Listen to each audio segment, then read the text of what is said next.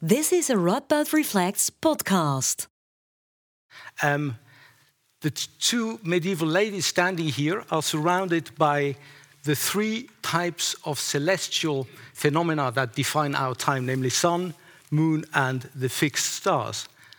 Now, the biggest unit we have is, is the year, and that is actually a fairly natural uh, um, phenomenon in the sense that, as you know, we turn once a year around the sun. And that, uh, looking at, from our point of view, that means that we've got seasonal changes. You go through two solstices, two equinoxes, and somehow there's a cycle that repeats itself. So that is a natural thing to have. With the next unit, that's only semi natural. Um, as those of you who speak Dutch know, maand and maan, they are somehow connected, so it's a lunar system. But the lunar cycle is actually not 30 or 30 days, it's, it's 29 and a few hours, seven hours and a few minutes. So you, the, the months are already somewhat adjusted to fit into a solar year. Now, those societies that live by a lunar calendar, like Islam, um, you may know um, that, that with respect to our year, these um, cultures sort of move um, uh, with respect to our calendar, so that the fasting month Ramadan can be in June, in which case you have got to wait very long before you can break the fast, or it can be in December. So it moves with respect to us. Um, so we have a mixed solar lunar calendar. The week is utterly conventional. So the week could be 30 days, it could be five days, you know. That, and in fact, the French Revolution tried to adjust it to a decimal system. We happen to have seven days because of some uh, historical reasons that have to do with the fact that we used to count seven planets. Um, now, the day can be conventional or, or, or, or, or um, um, regular, uh, natural. Now, we have two meanings of day. One, one is from midnight to midnight or from noon to noon. If you're an astronomer, you look at the sky and you see that the stars perform one circle uh, per day uh, around the polar star, for example. That gives you the measure of the day. Or the only thing that you can measure if you're dropped on an island and you don't have a timepiece would be noon. I don't know whether you know that. But if you're dropped on an island, if it ever happens to you and you don't have a timepiece and you want to know how late it is, you put a stick in the floor, in the, in the ground, and then you, you look at the shadows, and the shortest shadow is the one when the sun is highest up, which is when the sun is in the south. The shadow is in the north, and that gives you noon. So you can go from noon to noon, and that gives you a day. But that's a day of a full circle. But the second meaning we have is that we actually say day and night. And then the day is not so much the day um, um, as in 24 hours, but it would be the day as in the, um, um in the, in the uh, from the moment the sun rises to the moment the sun sets.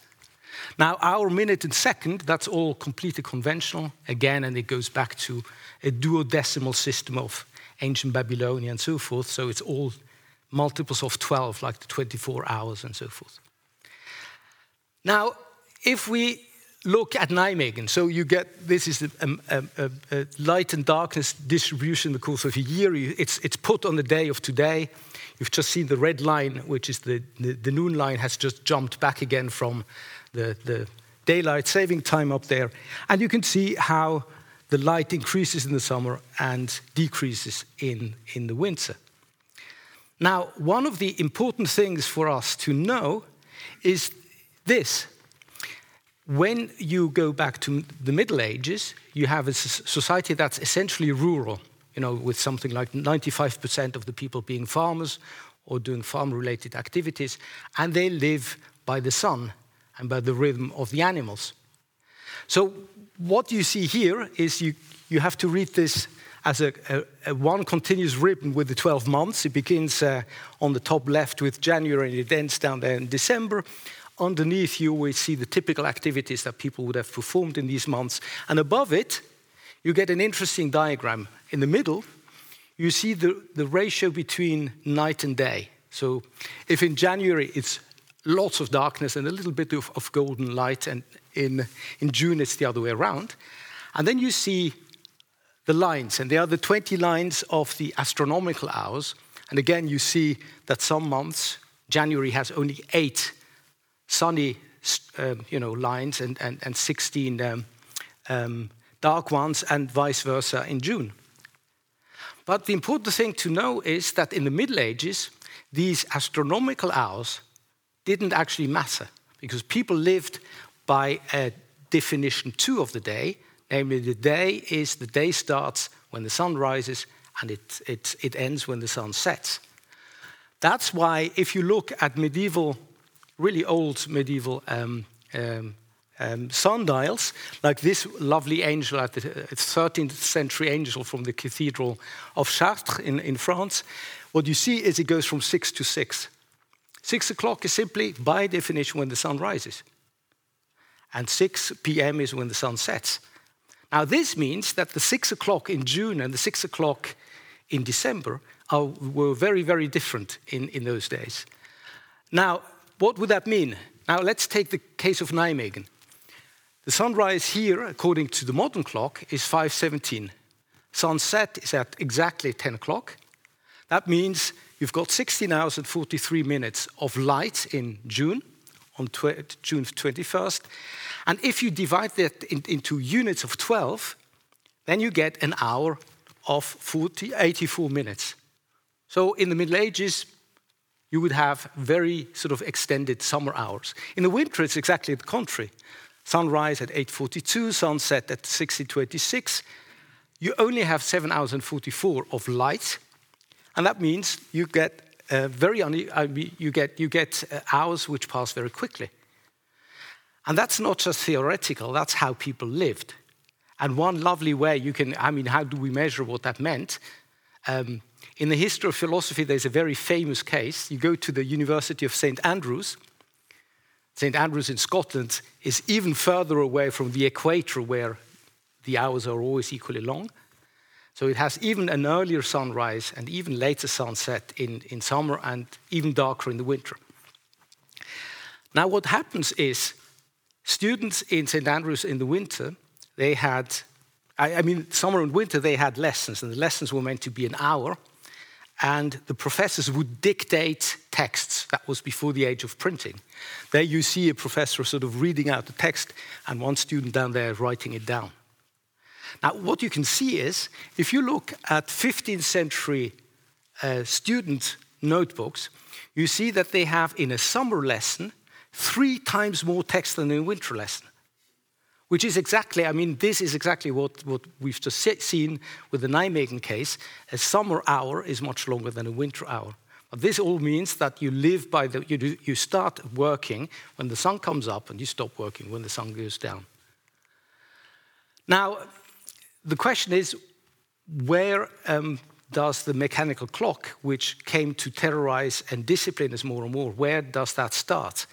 And now we have to in, um, um, tell a story that is it's quite a, a, an unexpected uh, angle to start. Namely, it goes back to the fairly severe rules that certain monastic orders had. Rules that said that there are canonical hours in which you have got to pray or sing. And here are some of them. Now, I'm not going to bore you with which order had which rule in which uh, century, but believe me that if you are a Benedictine, you had to get up at night to sing the Mattitine or the Matins because that was before sunrise. If you have, if you have, if you have uh, vigils, it's even worse, it's at midnight. But what that means is that you need to somehow keep time even when it's dark and you have no sundial to look at. So, what do you, what do you use to, to keep track of the time at night? You use a, a sand glass, right? So, you know, for example, that in, in, in the winter, uh, you know, the sunset is, uh, is, I don't know, here in Nijmegen at half, half past eight, and you want to have the, the matins half, half an hour before or an hour before, and then you turn the sun dial, uh, the, the, the, the hourglass until the moment has come. Then you chime the bell, wake everyone up, and go to Mass. But then what you get is the Frère Jacques problem. You know, I, will give you the French version because that's the only real good version. You probably all know the canon of this Frère Jacques, Frère Jacques, dormez-vous. And it's You know, sonnez les matines, ring the bells. Are you sleeping? Ring the bells. This thing has been mistranslated into English and Dutch. Morning bells are ringing. No, the morning bells are not ringing. The guy who should ring the morning bells is asleep because he looked at the, the hourglass, at the sandloper, and fell asleep while doing it. So, you know, instead of um, keeping watch and waking the other up, uh, waking the others up, he falls asleep, and so no one goes to matins.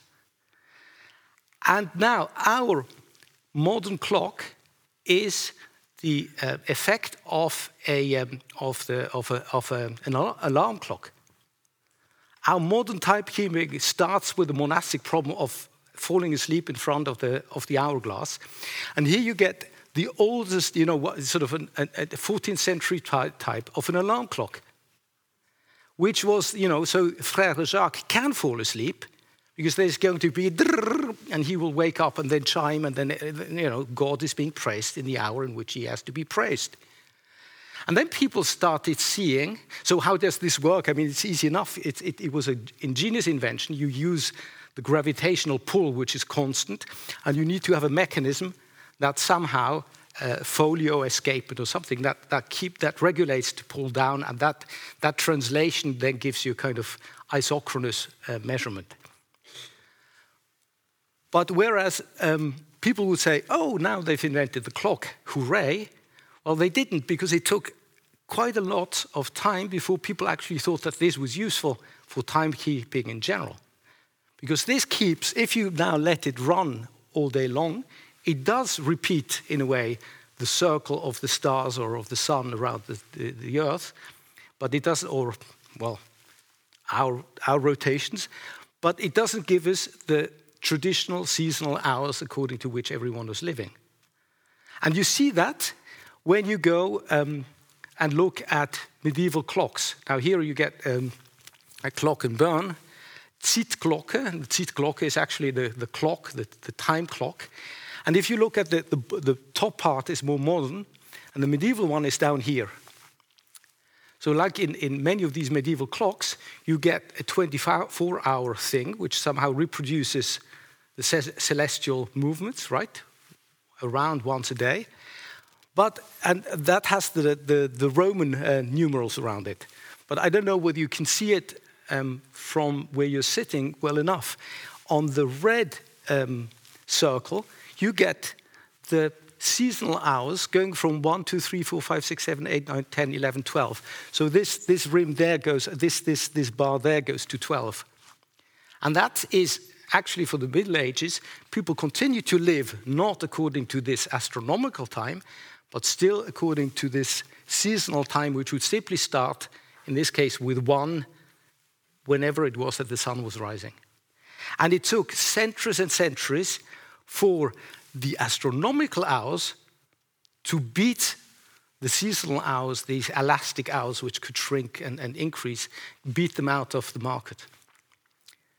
And it happened because of commerce. It just turned out that after a while, it turned out that it was actually very, very good for cities to have a regular rhythm year in, year out. And you can see that the first uh, places that set up clocks were mercantile cities. So here you get some of the oldest ones that still exist in Orvieto and in, in Venice, but you know, in Italy you see a number of other ones. In England you get old ones, but they are usually attached to cathedrals and are more sort of tied to not so much commerce, but, but the, the you know, church rhythms. Um, now, so you got slowly, slowly, you got these towns having a rhythm that followed no longer sunrise, sunset, but sort of these celestial regular hours that would just beat eight o'clock, whether it was dark or whether it was sunny. Um, the countryside, I should here add, didn't do any of that. So the countryside, which until, until the 19th century was the, you know, the, the biggest part of, of society, kept going by the old time units. And it was only the, the cities that followed this new rhythm. Now, in the 18th century, because of a, an issue that I can't explain now, but it's a beautiful story the longitude problem. If you're on a ship and you get lost, how do you know where you are? And one way would be to measure the local differences of time with the difference from the port of, of uh, departure, because that will tell you where you are on the, on the globe. I, am happy to explain it later, but the question was how do you get a clock that keeps time um, on a boat? And all the old mechanical clocks with a pendulum, of course, they don't work on a boat. So, big prize money, and John Harrison uh, won the, the, the, the prize money in the end with this first portable clock. And with this portable clock, once you mass produce that, it is, you know, the, the, uh, the progenitor of. I'm an old fashioned guy, so I still have a watch. Many of you may have just a, a phone with the time on it. But time here becomes for the first time something that you can take along and have in your pocket. And that's when the tyranny of time starts. Uh, the feeling that we all have that we are always late, always behind time, you, because you've got an appointment at quarter past eight and then one at half nine and so forth. So this, this idea, oh dear, oh dear, I shall be too late. So that is only possible once all of us have fairly reliable timepieces in our pockets and we can, you know, Kees was happy that we, you were all on time. We are now, this has become, um, you know, sort of uh, just natural to us that we can all check what time it is and carry this time around. Now, um, what happened is that this was um, all very fine, but then it was still the case that time was local time. So if you look just at the little country in which we, which we live, if you look at the sunrise today in Groningen, in Maastricht, and in Middelburg, you will see a 10 minute difference. So if noon, which you can measure, I told you how, but noon is the only moment in, in, in, the day that everyone can measure. If you set your church clock or your watch to 12 o'clock local time, then it's pretty difficult to, in, in a day and age of, of mass communication, mass travel, to get, you know, to get your clocks aligned. So the problem arose in the 19th century with the telegraph, the invention of the telegraph, and with the trains. So first, what was done was to invent a, tra a train hour. So ne the Netherlands, I mean, I just stick to, to this country. So Venlo and 's-Hertogenbosch and you know all these places would still have their local times, but the time the, the trains had a special a special time that was that was based on the clock on the royal palace in Amsterdam.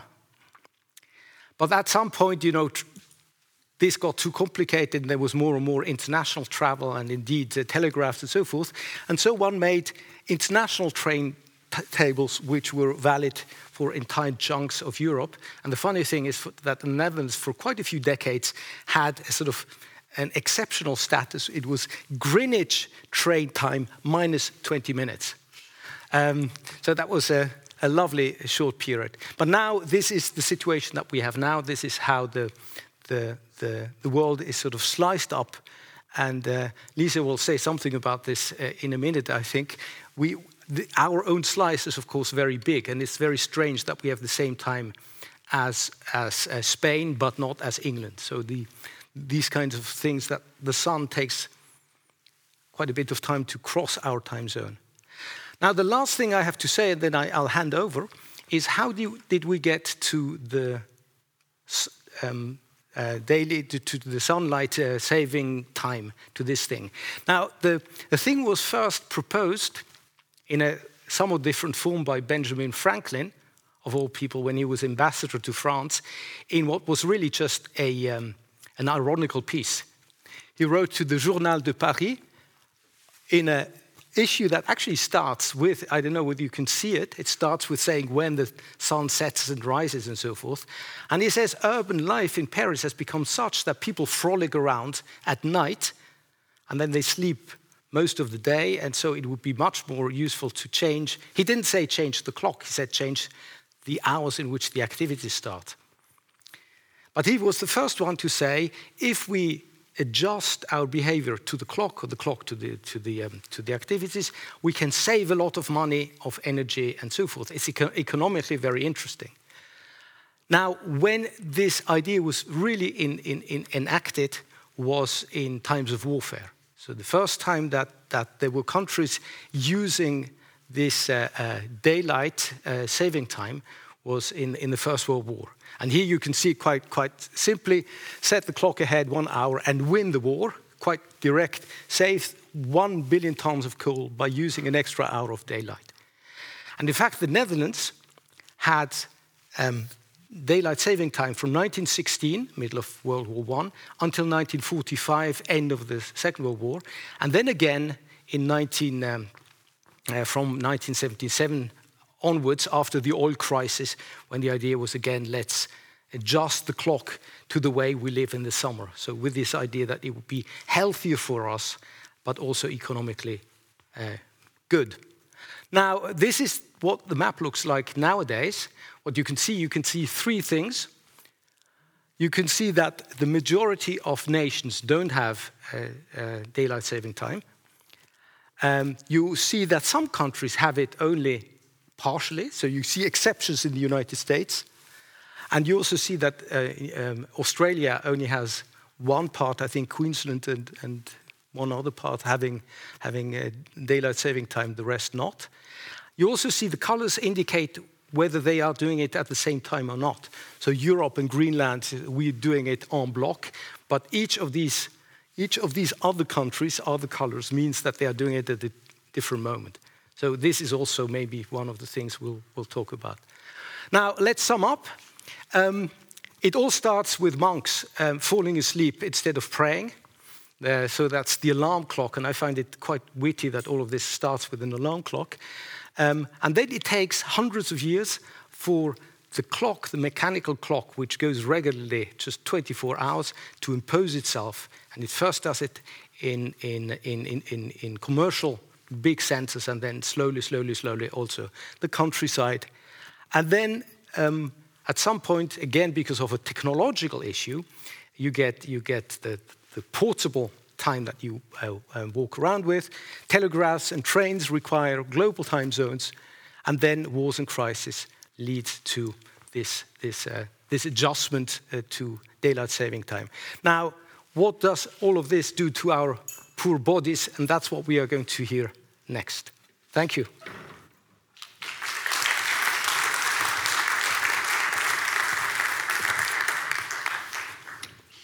So I'll look at my clock for the timing. So first I have to ask, comes a typical uh, chrono joke in a way anyways, but um, can we please turn on the lights a little bit more? Especially in the audience. I would like to see the audience. Thank you very much. That's already a much better start. Um, because I said, this is a little insider joke from people working with chronobiology. It's like, we should know better. You're sitting in the dark. You're going to fall asleep. Uh, you're inactive. This doesn't work. But okay. There's also a different reason why I need the light was because I will want to, I will ask you to raise your hands a few times during the next 20 minutes. So, what we're going to talk about is first off sleep. So, let's start. How much do you sleep? We're going to start, I'm going to give you numbers, and you put your hand up when you feel that you belong to that group. So, who sleeps four hours a night? Who sleeps five hours a night? Who, uh, we have a first one. Who sleeps six hours a night? Who sleeps seven hours a night? Who sleeps eight hours a night? Who sleeps nine hours a night? Who sleeps 10 hours a night? But not really because if a baby wakes up. Okay, who sleeps 11 hours a night? Okay, we're already out. Number one, thank you very much. You've just once again produced a Gaussian curve. Uh, Gaussian curves are beautiful, they always work. Um, so as you noticed, we have currently, we had a very, very wide range. And I'm not going to tell you that if you sleep five hours a night, that it's not enough. No, it's completely enough for the person for whom this is the right amount of sleep. Just like 10 hours can be completely normal for whoever wants to sleep. But now comes the next question does this differ between a workday and a free day? If yes, hand up. Why?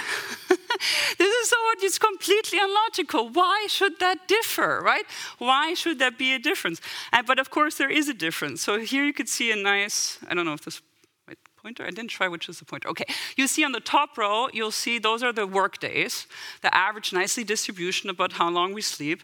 And then the middle one is your free days. And it's clearly visible to all of us that it's shifted to the right, right? We sleep longer on free days than we do on work days. And yes, if you go now to the bottom, the nice, beautiful average, you can see, yes, you heard the classic eight hours. Yes, eight hours is roughly, seven to eight hours is roughly the average between us. But this is ironically, has to be brought together by free days where we kind of catch up with our sleep because we did not sleep enough during our work days. And the other thing, as I said, it's a Gaussian distribution, which clearly means that the majority of the people will not be at seven or eight hours. Seven to eight hours will be the average middle, right? But that still means if I would count everybody together who's outside of that, you're probably actually more people.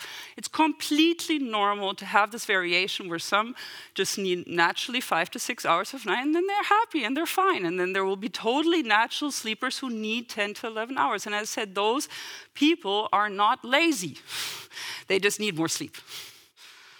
But now comes the next question, because of course this is tightly interlinked with how much you sleep when do you go to bed or when do you sleep? This is, of course, the difference between going to bed and when you fall asleep. But let's say roughly when do you fall asleep and when do you roughly get up? So, again, we're going to do this time game. So, first, going to bed. Let's start with who goes to bed at 6 p.m. Yeah, obviously, else you wouldn't be here, right? Um, who goes to bed at 7? Who likes to go to bed at 8 if you didn't have to be here? Who at 9? Who at 10? Who at 11, who at midnight, who at 1 a.m., who at 2 a.m., who at 3 a.m. So, nice Gaussian distribution, very nice. We saw again, right, it started between roughly, let's say, 9 was the first ones, and then 10, 11, 12 were the most were, and 1, 2 still somewhat. Fits perfectly, so thank you very much that you, uh, you, you reproduced some science. But the next one will be if you don't have, right, let's say if you, you can just free life, right, you, when would you get up? Who gets up at 3 a.m.? Who gets up at 4 a.m.? Who gets up at 5 a.m.? Who gets up at 6 a.m.? Who gets up at 7? Who gets up at 8? Who gets up at 9? Who gets up at 10? Who gets up at 11? Who gets up at 12? Okay. Ah, we still have 12. Okay. Thank you. Why does the world start between 9, 8 and 9 a.m., please? You are all in bed. Or some of you are awake, but you maybe just got up.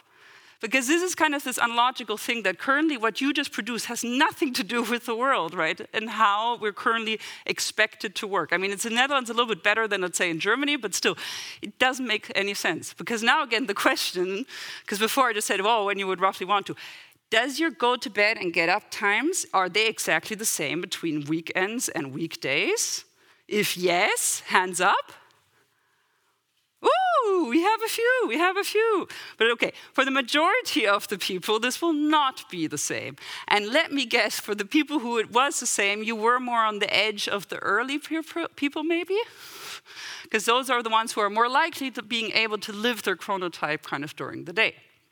And now comes the key, key question Do you use an alarm clock? Hands up, who uses an alarm clock? Be ashamed, be ashamed, right? The alarm clock, I mean, now even my joke, this is a typical joke of mine actually, but it works even better if we hear the history in a way. But this is the most evil invention of humankind. If you use an alarm clock, you are chronically sleep deprived. It's a very simple way of finding out if you're sleep deprived. Do you wake up before your alarm clock? Like, is it a natural thing? And do you feel awake? Because, of course, the problem is at one point you're so entrained, you will always wake up before. But usually the trick is if you really need an alarm clock, you have a problem. This is, you're not living right. Of course, there are situations where you need one, can avoid it, just like there are life, there are jobs where we can't actually really do what we want to do. We actually have to work at shifts or something. But in general, our society should be able to organize the world that we don't need naturally alarm clocks because they are shortening your sleep. Sleep is important. We cannot talk about why sleep is important because I don't have three hours, but sleep is very, very important, and that's actually the majority of my research.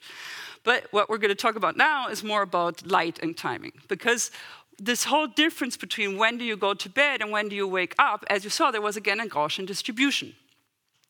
And the reason is that is that we have chronotypes. So the chronotypes, for one side, if you, the, you know the two extremes, we would call the very, very early ones the larks. So that's the picture on the left. And then the very, very late chronotypes are the owls. And this picture very nicely actually depicts a relationship I did have. It only lasted three months, probably because of this, but it, we did have that thing where he wanted to go to bed at night every time at between 8.30 and 9. That was his thing, and he would get up at 5 a.m. And he really expected me to lie there. Sorry, I'm late chronotype. I will not sleep until 11 or midnight. So this was my night, and I was very unhappy. But it can work I know another couple where he goes to bed at um, 8:30 every day, and he wakes up at 4 a.m. every morning, because that's his chronotype. His wife goes to bed at 3 a.m. and gets up at 12. They have a very happy relationship for a few decades already, even so they only overlap one single hour in bed. Maybe because of that, but you never know, right? So, okay. But yes, so this is the thing about chronotypes. So chronotypes will, are genetically determining when you're sleeping. And your chronotype is also not static, because this is actually how it looks like. So a good way to measure chronotype was invented by Till Roenneberg, where he takes mid-sleep. So let's say you go to bed at uh, 11 p.m. and you get up at 7 a.m. Then your whole night was eight hours, so your middle will be four hours. That means you go from 11, four hours in, that's three. So that means that person who would sleep like that would have a chronotype of three. As you see, that doesn't exist roughly, right? All our means are much, much later. Ironically, you would need the chronotype of three to be able to deal with the average society and how, kind of how they expect us to live. But in reality, um, we tend to be much later. But the more interesting thing, we change throughout our lifetimes. And now, anybody who has young children, will very much recognize this. And everybody who was a teenager will also very much recognize this. Because what actually happens is that you start incredibly early as a chronotype. And that's why it is our little toddlers, and it says, I'm currently suffering from that. Um, I'm a late owl who has a toddler. So that means that my toddler wakes me at 7 a.m. or 6 a.m. And yes, sorry, I'm suffering. Um, but at least you know that toddlers, they really go with the light. So they're the ones who are actually up before sunlight, right? And then they go to bed as soon as it gets dark, right? They go to bed at 7 or 8 p.m. I mean, that's ridiculous. But you see, that's what your toddlers do, right? Then when you get older, um, okay, the toddlers don't actually fill in the questionnaire, so we don't have them in there. But the, the, when starting 10 year olds, you can kind of fill in the questionnaire. So then you, you get to get into this, uh, this nice graph, and what you'll see is that, right, we get later, later, later, later, and then it's at the end of adolescence which, um, where we have that flip over. But that means that as a teenager, you're incredibly late as a chronotype. And that's why, if you remember school starting at 8 a.m. or 9 a.m., if you were in the Netherlands, quarter to nine, I heard when you're in the Netherlands, I, rem- I of assume that all of you who were teenagers maybe think back about time, how hard it was to get out of bed, how much, like I spent all my high school years dreaming of my nap in the afternoon because I was so tired. Or if you already have, if you're a little bit older and you already had teenagers as kids, you're probably going to remember the times, how hard it was to get them out of bed to go to school. And actually, all this is really ridiculous because all this is nature and we're trying to deal with an artificial construct that sends kids to school at 8 a.m. And it doesn't have to be that way, because it's, it's just, it has a purpose, probably. And so at the end of adolescence is when we get earlier, and then we will get earlier, earlier, earlier again. And then, as I said, I, I promised a few jokes, but no, I have the problem that my pointer doesn't work. So the jokes that I can tell you is that you can see there's a difference between male and females, right? The male, on average, will get later before their switch point, which means that um, they, on the, if you look at the same age, they're always in different chronotypes on average. However, if you want to flip, flip how they fit together, to, uh, so when are men and females, or men and women, uh, when are they on the same chronotype, then you realize it's an age gap of roughly two to three years. Does that sound familiar? Age gap of two to three years has actually been shown to be kind of the typical difference between the couples. So maybe we select our partners by chronotype. Then another one is that, okay, again, I'm going to make my toddler joke. Sorry, you're not laughing very much. It must be not very funny today. Um, but at least my toddler, going back to toddler jokes in a way, if I really understand this joke, I said it's not even my original joke, but I completely understand it now, is that this is the reason why grandparents should be taking care of the children. They're on the same chronotype, they fit together. Not me, but okay. So these are all kind of the, the, the, reasons why you should think about, or in a way, appreciate the chronotype in a way that it will determine how much you're suffering. Because this is, again, the difference of how much you're sleeping. So going upwards, you see the amount of sleep that you can get, and then going on the x-axis, that's again the chronotype. And what it's telling you is that if you're very, very, very early chronotype, then you, in free days, so those are the white dots, you're actually sleeping less than on working days. So this is what we call a scissor. Then if you are a, this chronotype that is around three, and that I was telling you was right, going to bed at 11 and getting up at 8, then you're actually sleeping the same amount on free days and on working days. Now, the later of a chronotype you are, the more you're going to have this difference where you're now on free days are going to oversleep to try to compensate because during work days you're undersleeping. And this is, of course, because on work days you're being woken up too early, so you have to catch up with sleep. And that's what you're doing on free days. And the reason why the really early chronotypes have the opposite effect is stuff like this right? I mean, we're now on a weekday, but normally social life tends to happen in the evening. And so that means that extreme early chronotypes who want to naturally go to bed at 8, 9, or 10 will be actually sleep deprived as soon as they engage kind of socially with other people. And so that's why this difference between kind of how much you sleep during free days and work days and when you're sleeping, this is what was kind of uh, determined the social jet lag. Because actually, if you go down to the differences, the average person, so then going back to our nice Gaussian curve, the average, sorry, I have to say German, because this is all based on a questionnaire that was mainly performed in Germany, but at least the average German will go to bed naturally between 11 and 1 a.m. It fit exactly to what you guys actually were doing with your hands, right? Everybody was between 11 and 1 a.m. And that means that the average getting up time, which is the natural one, would be between 7 and 9 a.m. And that means that if you live in a society, and I said Germany society tends to want to go to, it forces you to go to bed at like a 10, 11, and work starts at 8. Here, as I said, the Netherlands is at least a little bit better because here work starts on average on 9. I, must, I also lived in the UK, much nicer because work starts at 9, plus they have a different time zone. And so all this will contribute to how much you're in a way suffering. Um, and so this difference between when should we be sleeping, when should we be awake during um, uh, weekdays versus weekends actually is a time zone difference of flying every weekend to New York.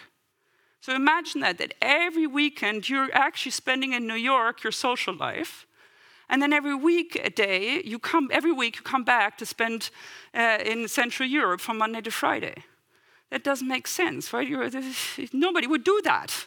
Why do we do that? I mean, really. But that at least is called the social jet lag. And so, so the social jet lag is bad for everybody, but of course, late chronotypes will be much more suffering from those social jet lags. Now, we come, for the final bit, we come back to our daylight saving in a way, oh, then daylight savings should be good. Eh, not really. Um, because, well, as we were just explained, it was kind of introduced to bring back kind of a more natural rhythm into the rhythm. It kind of went the other way, because this is the, the standard time as it is.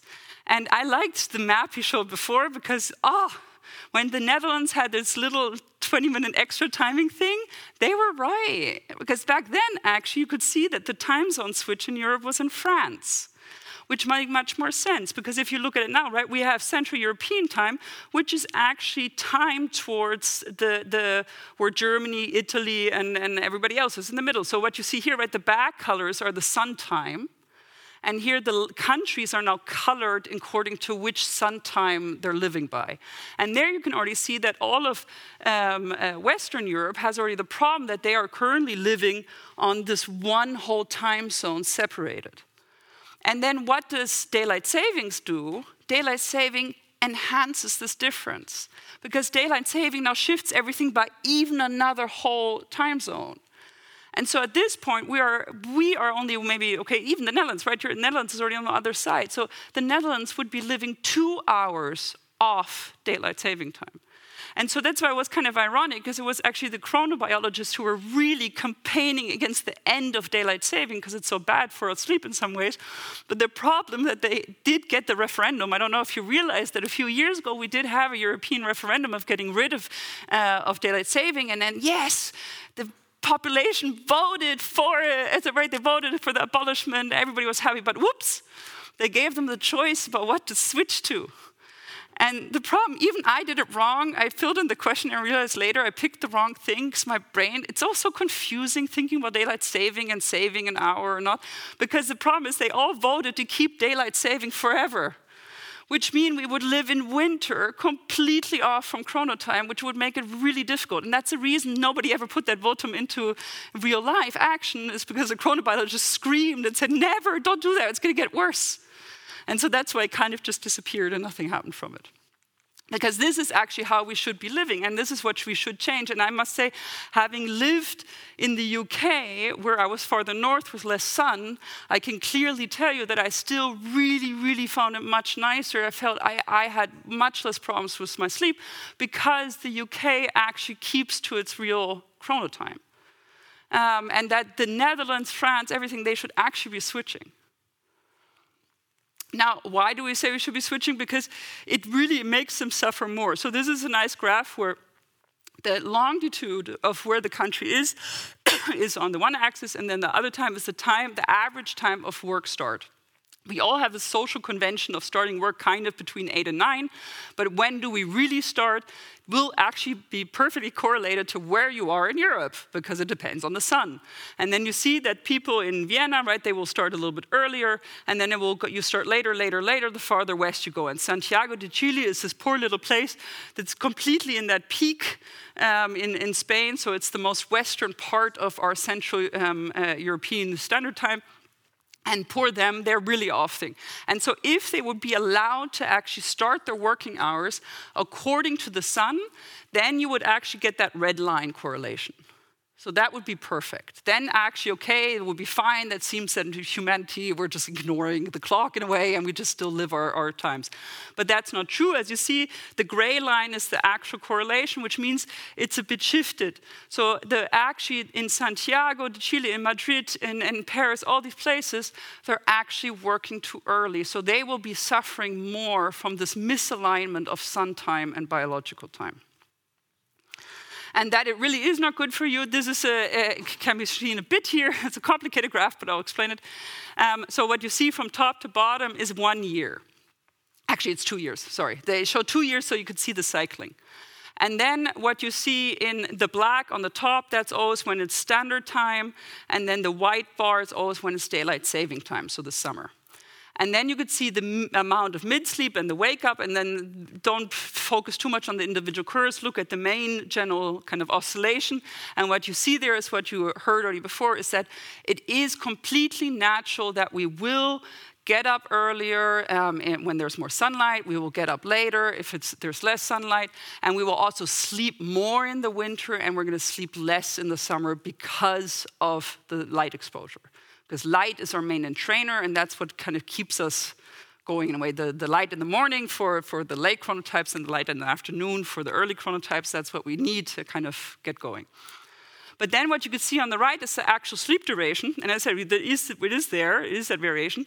But what you could see is that every time we have a switch of time zones, it falls out of the, the, the, the curve in a way. So right now, right, this is the time switch we just did um, where everybody um, switched from, from standard time to, to um, know from daylight saving to standard time. And as you can see there, we should be sleeping more and more. We should be going slowly into our winter hibernation in a way. But what happens is, even though we have an extra hour, right? Those people, oh, I had that extra hour to sleep. We sleep less. And that's just because our bodies can become incredibly confused um, when it comes to this misalignment. I see it every time in myself. It happened again, even so I deliberately switched all the clocks this time.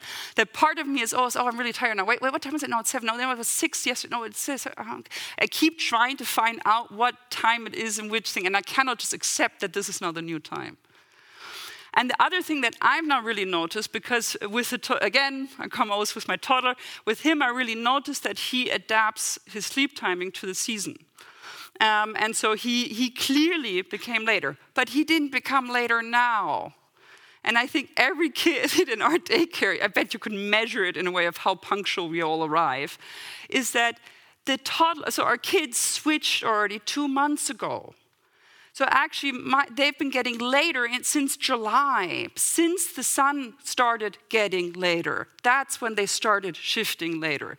So doing it now is just too late. We should have done this two months ago, then maybe it wouldn't have had any influence on our rhythms. But right now, it was kind of the, the most desperate last moment where you could still do it. And ironically, you see the same thing there in the, in the other switch back, where you also you lose the time, but then you suddenly are sleeping more. And what I actually, when you, you align it, what you actually see is that there is the, the switching maybe does make sense. However, we do it currently wrong. If you would just shift it all by two months, then these curves for attention would be much smoother. So I could say, as a, as a summary in a way, from the chronobiologists per se will all tell you to abolish daylight saving. They think it just kind of mixes up everything and, and, just disturbs our sleep. I don't think it's really wrong, but as I said, I think it's at the wrong time point.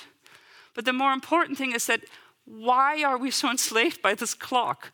I mean, there are certain situations where you need it, right? Where we need to have someone working in shifts, where we need someone in the hospital. We cannot have someone just deciding to work late. But the majority of people are currently working in offices where it doesn't actually make a difference if they start working at eight or nine. The main thing is that it should be important how much they work. And so it should be much more the thing about why do we keep our enslavement kind of to these devices, even so we don't need it. Now, before going on to the discussion, I would want to already do my little thank you, but the main reason I have to do my little thank you is that I actually am not a chronobiologist. Uh, I work, I'm a sleep researcher who works on memory, so kind of different topic. Um, and so everything I talked about today was not anything that I know about actually, but I mainly know about because I know of the work from Till Roenneberg. And so Till Roenneberg is a Munich uh, sleep or chronobiologist, and all the figures I showed are from him, so that's why the biggest thank you goes to him. And the main thing is that if you are interested in this topic, one thing I can definitely recommend is that he wrote a book. And he wrote a really, really nice book. And that book you can read as a scientist, and you will still respect, even as a sleep scientist, I still really, really respected this book. Um, but it also is very good to read if you have no clue about science or sleep or anything whatsoever. So that would be it before we now start with time. Discussion. Okay.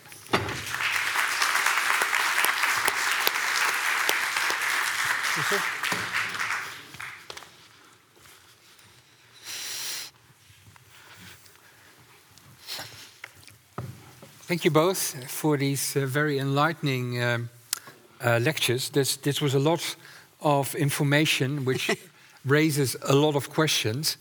Um, maybe, um, um uh, Christoph, uh, in, your, in your talk, uh, so you talked about the invention of the clock, and it started as an alarm clock, and, it, and then you, you, you, get to the cities or the, the, the towns uh, for trade, but that doesn't explain the fact that we've all now become slaves to the clock, and that we uh, all our lives, be it rural or uh, city city life, is actually indeed dictated uh, by the clock, and, and, and I'm going to ask you why it is so wrong.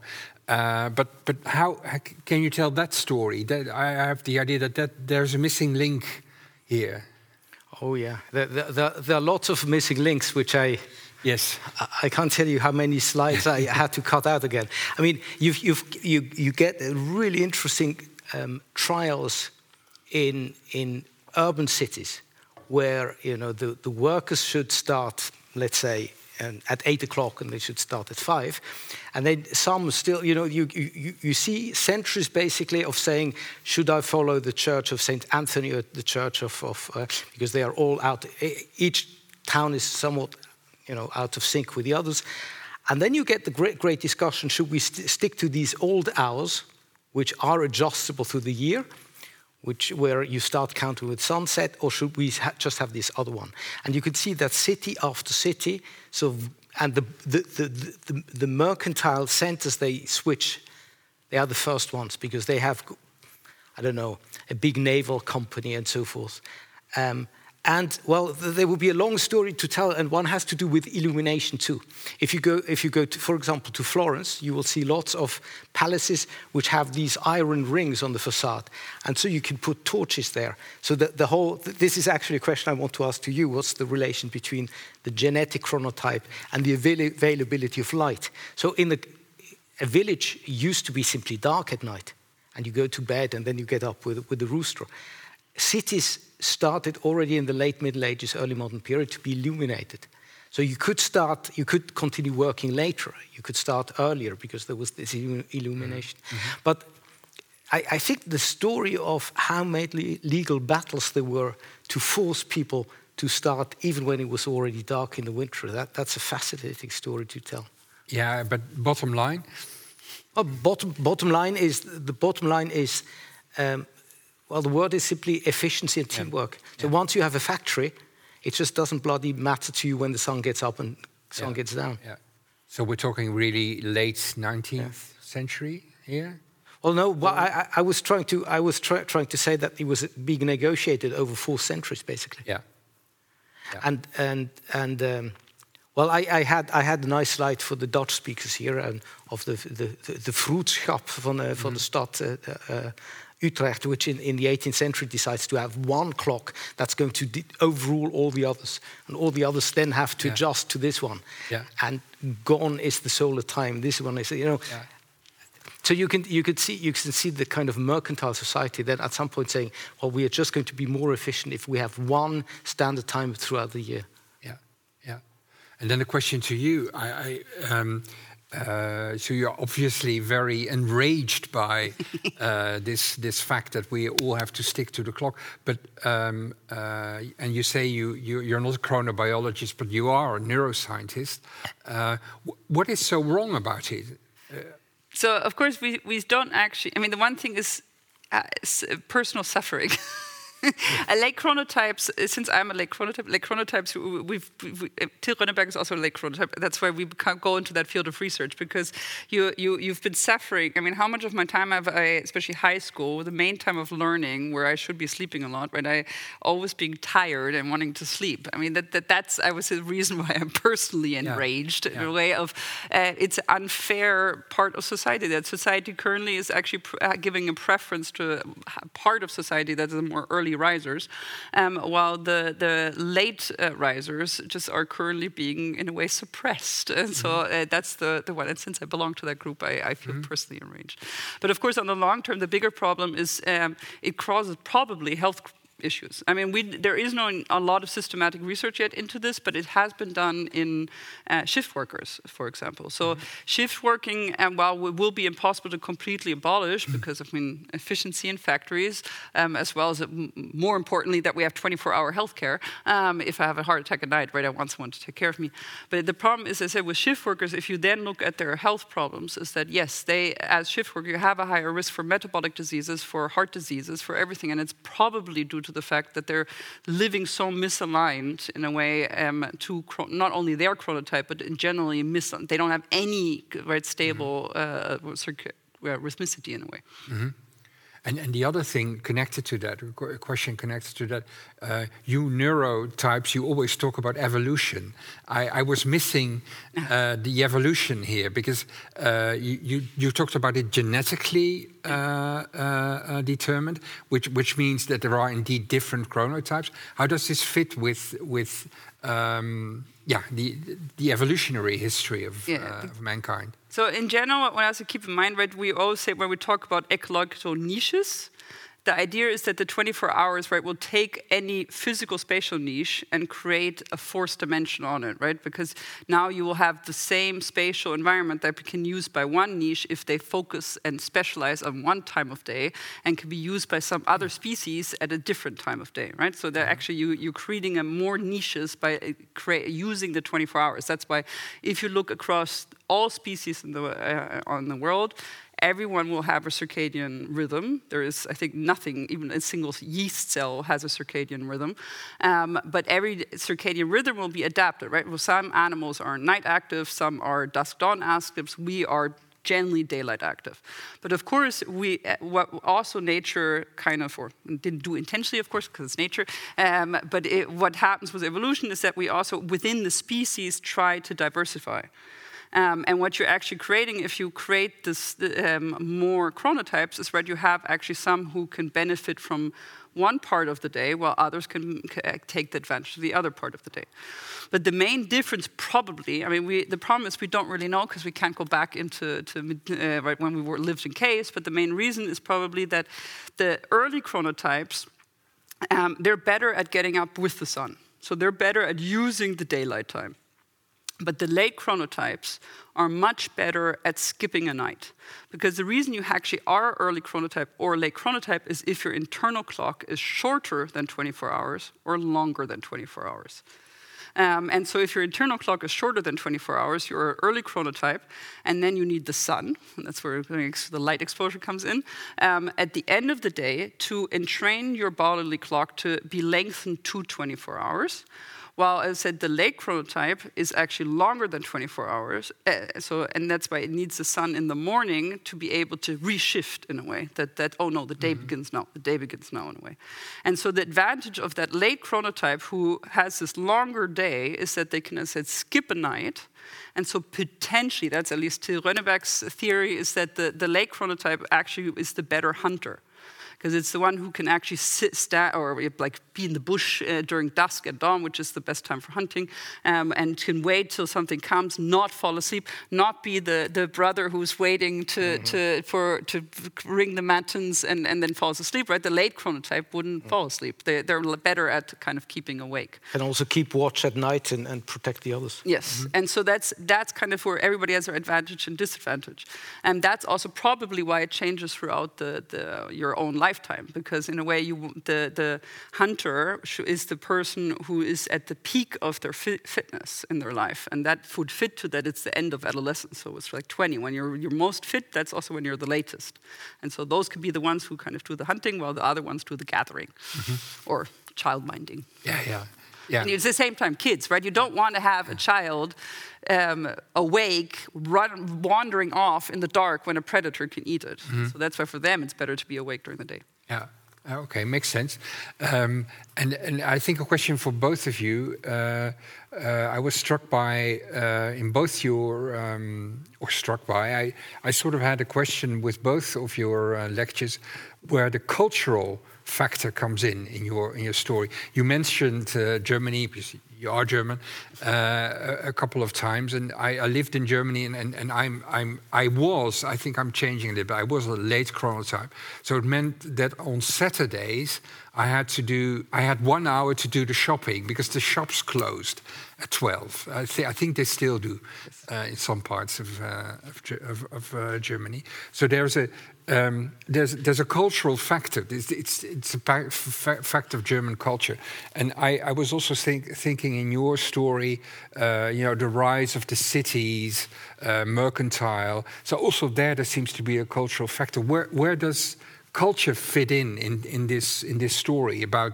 the clock and uh, the way uh, our biorhythms are uh, adapted to that? Are the Germans fitter in in the morning, or what, what is, where what is going on? Where it comes from, he will have to answer. Yeah, I, that I do not. Yeah, that's his. Uh, that's yeah. his part. But one thing I could say is that culture, culture has given us a lot of the guilty feelings, but that's general culture. I think that's cross cultures culture in a way. Of, for example, why do we say early riser and long sleeper? Because right, it's either an early riser or a late riser, or you're either a short sleeper or a long sleeper if you sleep till 11 a.m., it doesn't necessarily mean that you slept very, very long. You could have gone to bed at 5 a.m. Yeah. So that alone is this thing, right, where we have all of our cultural wording is always for the morning, right? It's it's the early bird catches the worm, right, and and, and everything. And it, it it implies that if you sleep long, you're lazy. And that is actually, I think, it's still maybe a Western thing, but if you, again, will probably know it better, because I, what I found fascinating is that in a lot of Asian cultures, it's, for example, completely fine to sleep in class. Because they say if you sleep while you're being taught, it's just because you stayed up all night and you studied. That's why it's a good sign. The ones that are sleeping in class are the really, really hardworking ones because they're so tired from all that hard work. And I found that always fascinating because it's a bit different in a way. I would say here, if you sleep in class, you would kind of count as a lazy one. Yeah. So, Yeah. But then maybe you can. Maybe Christoph can you can add to Uh, not, not, not really, because I'm always, I'm always uh, um, feeling uneasy when I hear the word culture. I mean, even the word agriculture is a Yeah. culture. Yeah. So it's, it's, it's, uh, there is actually no human society with, without already some rhythm and division of labor and culture. So I don't know where culture comes in. But one of the things I found so funny about the earliest people who, who did propose a kind of late um, um, day savings, light savings uh, time were referring to the fact that in cities, and I get back to my city topic, that life simply goes on. I mean, you mentioned that social activities. In, in a small village, when the lights are out, there's not that much you can do. And, um, and one, I mean, Benjamin Franklin, in the, this letter which I showed, he says, well, all these beautiful things in Paris, you know, the opera and theater, and so it's all in the night. And you use all these torches and so forth. And then, of course, that, that's um, all, all, all vices uh, of, of nocturnal life. And then you, you illuminate the place, and then, of course, you, you're not even getting tired. And then in, in the morning when the sun is out, and you wouldn't need any, any torches, you know, everyone is asleep, at least the upper classes. Yeah. But you know, wh- where does culture start? I wouldn't even know. I, I just see different cultures developing different rhythms and, of course, detaching themselves more and more of an agri- agricultural rhythm where your own chronotypes have to be, or, or, or, or your own sleep rhythms have to be adjusted to that of the animals of which you're taking care. Yeah, and um, you mentioned Asia, uh, and uh, your story is a, is a is a European story, uh, and it originated in Europe. How does this relate to the rest of the world? Did it the rest of the world just um, was was committed to to this, uh, you know, Greenwich Mean Time and, and that, that that that kind of stuff? How- uh, do, do you know anything about about how how that worked? Can I- Chinese have can clocks. I, can I tell a, an epi- uh, th- Yeah. there is a, in, in, in the, in the history of science there is a big big riddle, and the riddle has always been the riddle of the Chinese clock. Yeah.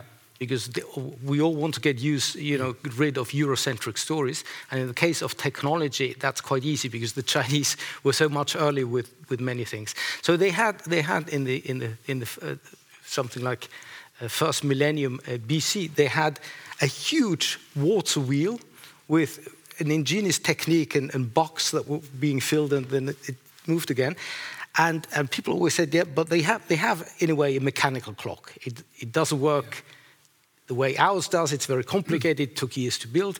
But why didn't they invent the clock? But the interesting thing is that they actually only used it for the emperor and the astronomers to draw what in English is called an orrery, a kind of a, a cosmological system that would show how the. No one had ever the idea of applying that to daily life. They, they were able to measure it. They had trumpeters in the city sort of saying, now it's one o'clock, two o'clock, three o'clock. But they kept to these elastic hours in which people actually sleep and work. So the, the question is, oh, we are so used that we are all the slaves of our watch and all our watches show the same time. The Chinese could have had, it, but they were wise enough to say, yeah, you know, sod it. Yeah. You know, let's give this to the astronomers. They are up all night anyway, Yeah. and we keep sleeping. So it's it's uh, it's actually an invention that even in Europe it wasn't welcome at 1st It was, as I said, it was invented not uh, it was invented as a, an alarm clock, and then it was something so fascinating. Many of these old clocks that you see in Strasbourg, you know, and so forth, are actually again cosmological models, and you went to marvel at them. You didn't want to follow that rhythm. Yeah. Yeah. Yeah. and it was really mercantilism and factories and, and so forth that then led to the to the imposition of that Yeah. Yeah. of that horrid uh, dictate, dictate. dictatorship where, Yeah. where we all suffer from, especially the late, uh, the owls, as you uh, as you mentioned uh, them. I, I, I was fascinated. So you actually make the proposal of keeping daylight saving time, but um, having it earlier. Yeah, but that's just July. my personal idea since two months. So Okay. okay. no, I think the, the this general sleep community or, or chrono community would say abolish um, because The whole thing. the whole thing uh, because it makes it worse. And if they would suggest we should switch back to uh, time zones that are actually according to latitude. So that's why, in a way, of going back to that picture you showed, Yeah. you Yeah. would see that we would actually have a switch in France. Yeah, yeah. But that would mean we, we, we would, because I have to calculate, that would mean we, we would lose these fantastic long nights in summer, wouldn't it? The night stays the same. The same thing when you ask people, like when you put an alarm clock, you are aware that the day doesn't become longer. You're you're just shortening your sleep, Yeah. and sleep is important for many functions. So that's why it, it, it, the night doesn't change. Okay, okay. You keep that in mind. It doesn't change anything. Yeah, I need some rethinking here. Um, Well, you, you have to unlearn. I have to unlearn. Yeah, absolutely. There's a lot of I I have to unlearn actually. but um, um, right, okay. Um, but but but still, uh, so if we abolish the whole thing, we abolish daylight uh, daylight saving time. We're not still we're still not there where you want us to be because wh- what I think you were actually talking about was flexible office times. Yes. So I would say that's the main thing talking is about. that daylight saving doesn't really make a big difference or No. anything. In the end, the main thing that would make more sense is yes, have flexible times for the where, where it's possible. It's not as I said. It's, I don't want my my medical to just decide to work Yeah. later when he should have a shift in the morning. So as I said, where it's possible, flexibility, and adjusting to children. Um, because currently the biggest sufferers from this are the teenagers, um, are the high school children who, who have to get up way too early for their natural chrono times. Um, it's like if I would wake you up at 3 a.m. or 2 a.m. and say, now le- learn, Yeah. learn especially, not only awake, but learn. um, and so that, for example, there have been pilots in the US um, to have schools start later. Um, and those pilots have clearly shown that the kids don't go later to bed. They just sleep longer. They are less sick. They are more at school. They concentrate better and they have better grades. Um, and so it's already now an official recommendation by the Pediatric Society in the US that um, all schools should start later. Um, and so that would be the minimum. I mean, as I said, the Netherlands I already find fine; it's already better. But in a way, for the Netherlands, for the more natural thing, we would need the default 9 a.m. start to be abolished, but to have in the Netherlands, let's say 10 to 11 as a natural starting time. Where of course some could start an hour earlier, some could start an hour later. But let's say 10 to 11 as a normal starting time, then you would actually be capturing the average society. Um, and then for kids, as I said, they should be then also more like 10, 11, so more that time. And then, but for flexible, it should be flexible. That's Okay, so that's that's really the proposal. Yes, and don't use an alarm clock. I, I only have an alarm clock put turned on in the rare occasion that, that mm, I do have some appointment um, that I should be there for, right? And that potentially is a bit early, and that way there is a risk of me sleeping longer. But then, even then, I will deliberately put the alarm clock like 10 minutes after I should naturally get up. Because I know I, it works. I wake up by myself anyways, and then I get up, and I, I don't use an alarm clock. And I think one have- doesn't. and you have this toddler. Yes, and I have a toddler who currently is a very early alarm. But that just means that currently I come earlier to the office. Yeah. so I have my people working for me there, so they sleep, know. You sleep in the office. Yes. Yeah. Uh, sadly, no. Yeah. Okay. Lisa and Christoph, thank you very much for your lectures and the discussion. You, thank you very much for coming here, coming here on time, um, and and leaving on time, I guess. Yes. Um, and uh, you're welcome to uh, participate with us in the borrel. Uh, and uh, maybe asking questions to our, our speakers who are maybe still a little bit available. Um, and uh, see you next time at the Radboud Reflects or Donders um, event. Thank you very much.